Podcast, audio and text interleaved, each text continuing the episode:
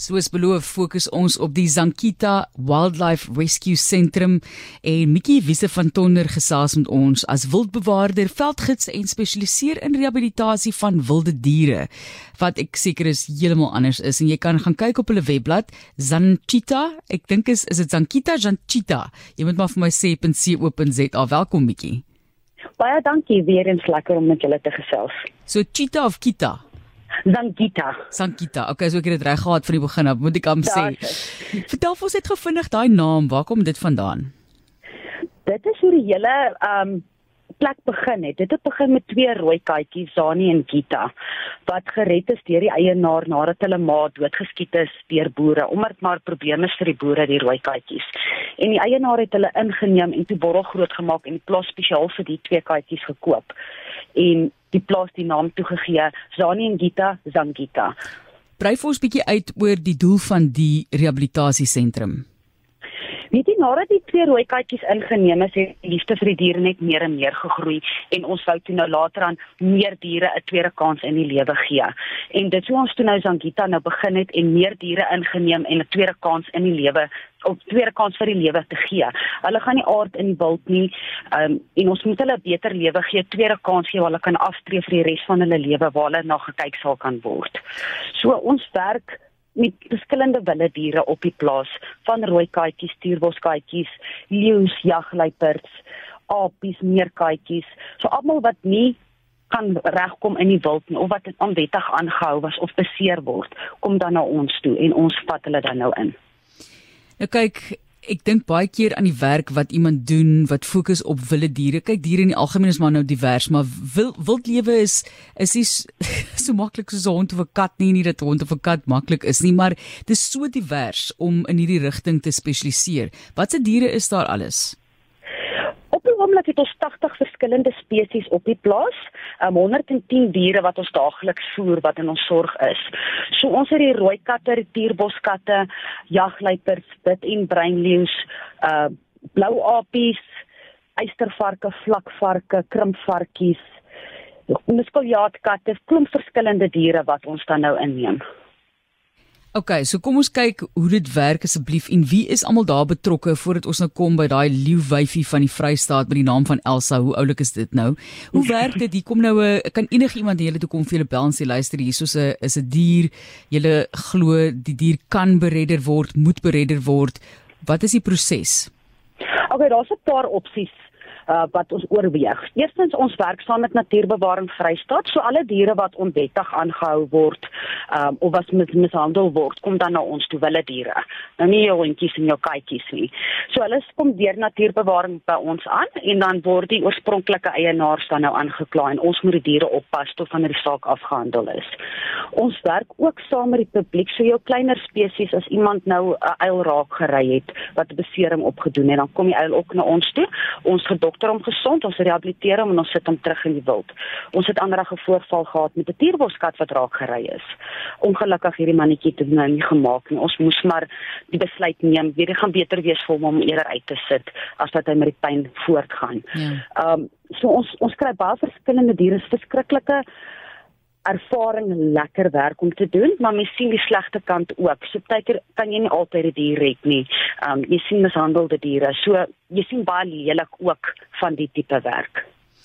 Ja, ek kan my voorstel hoe moeilik dit vir julle moet wees om dit te besigtig elke dag. Hoe baie mense werk daar en veeartse, mense wat spesialiseer in wildbewaring?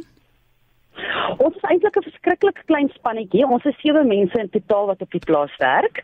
Ehm um, en dan gebruik ons maar die Bloemfontein se beste veeartse natuurlik. Ehm um, hulle weet wie hulle is. En dan die veeartse kom dan ook een keer 'n week uit om te kom kyk as daar nou 'n geval is. Dis nou nie net jy 'n leeu agter in jou kar kan intrek en gou-gou vinnig veearts toe ry met 'n uitgegroeide leeu nie. Ehm um, so as daar 'n erge noodgeval is met jou groter spesies, kom die veearts dan uit na die plaas toe.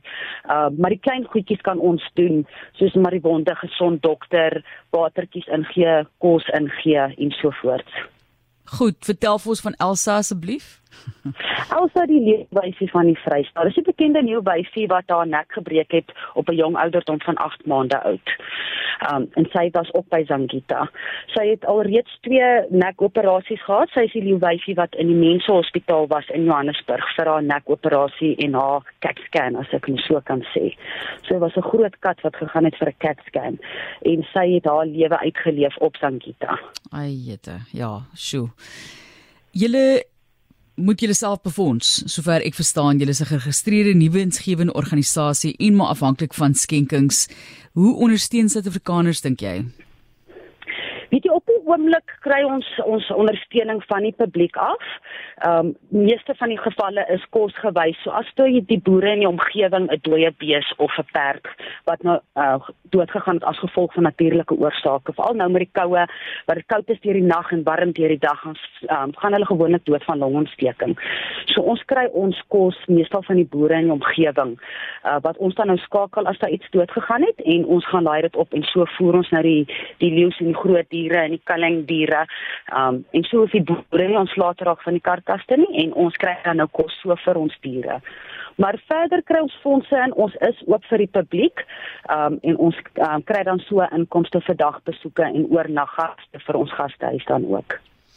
En ons kuier tans so 22 km buite Bloemfontein en dit is by die Zankita Wildlife Rescue Centre as jy hulle wil soek aanlyn, dan kan jy hulle so ondersteun. Hulle is ook ook op TikTok elke middag vir opvoedkundige doeleindes. So dis baie baie baie lekker dat julle dit doen. Julle is live soos hulle sê op TikTok. Jy's regstreeks daarso.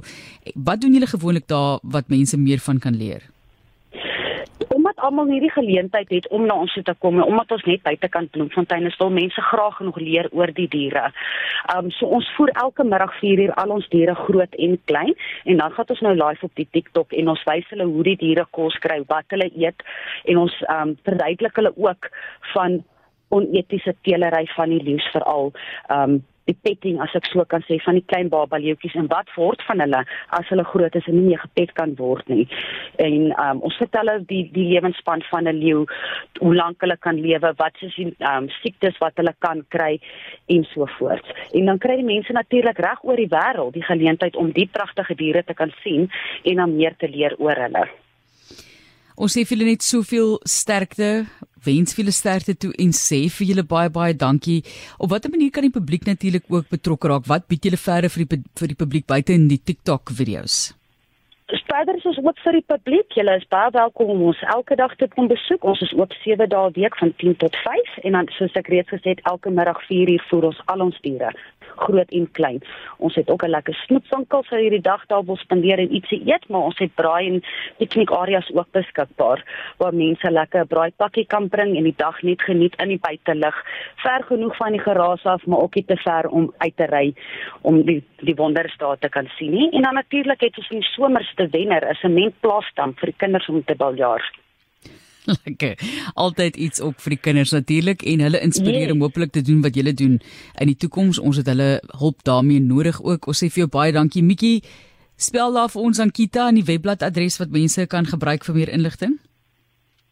Dit is Ankita Z A N C H I E T A .co.za. Dit is baie eenvoudig, Sankita. Dis Z A N C H ieta.co.za en hulle is ook op TikTok. Gaan kry hulle daar so hoe oulik is dit? Jy kan dit saam met jou kinders ook bekyk of kyk op hulle blad. Dit word gewoonlik daarso ook dan nou gespaar sodat jy dit in die toekoms kan kyk. Ons sê baie dankie vir die werk wat hulle doen. Mikkie Wiese van Tonder is 'n wildbewaarder veldgids en spesialiseer in rehabilitasie van wilde diere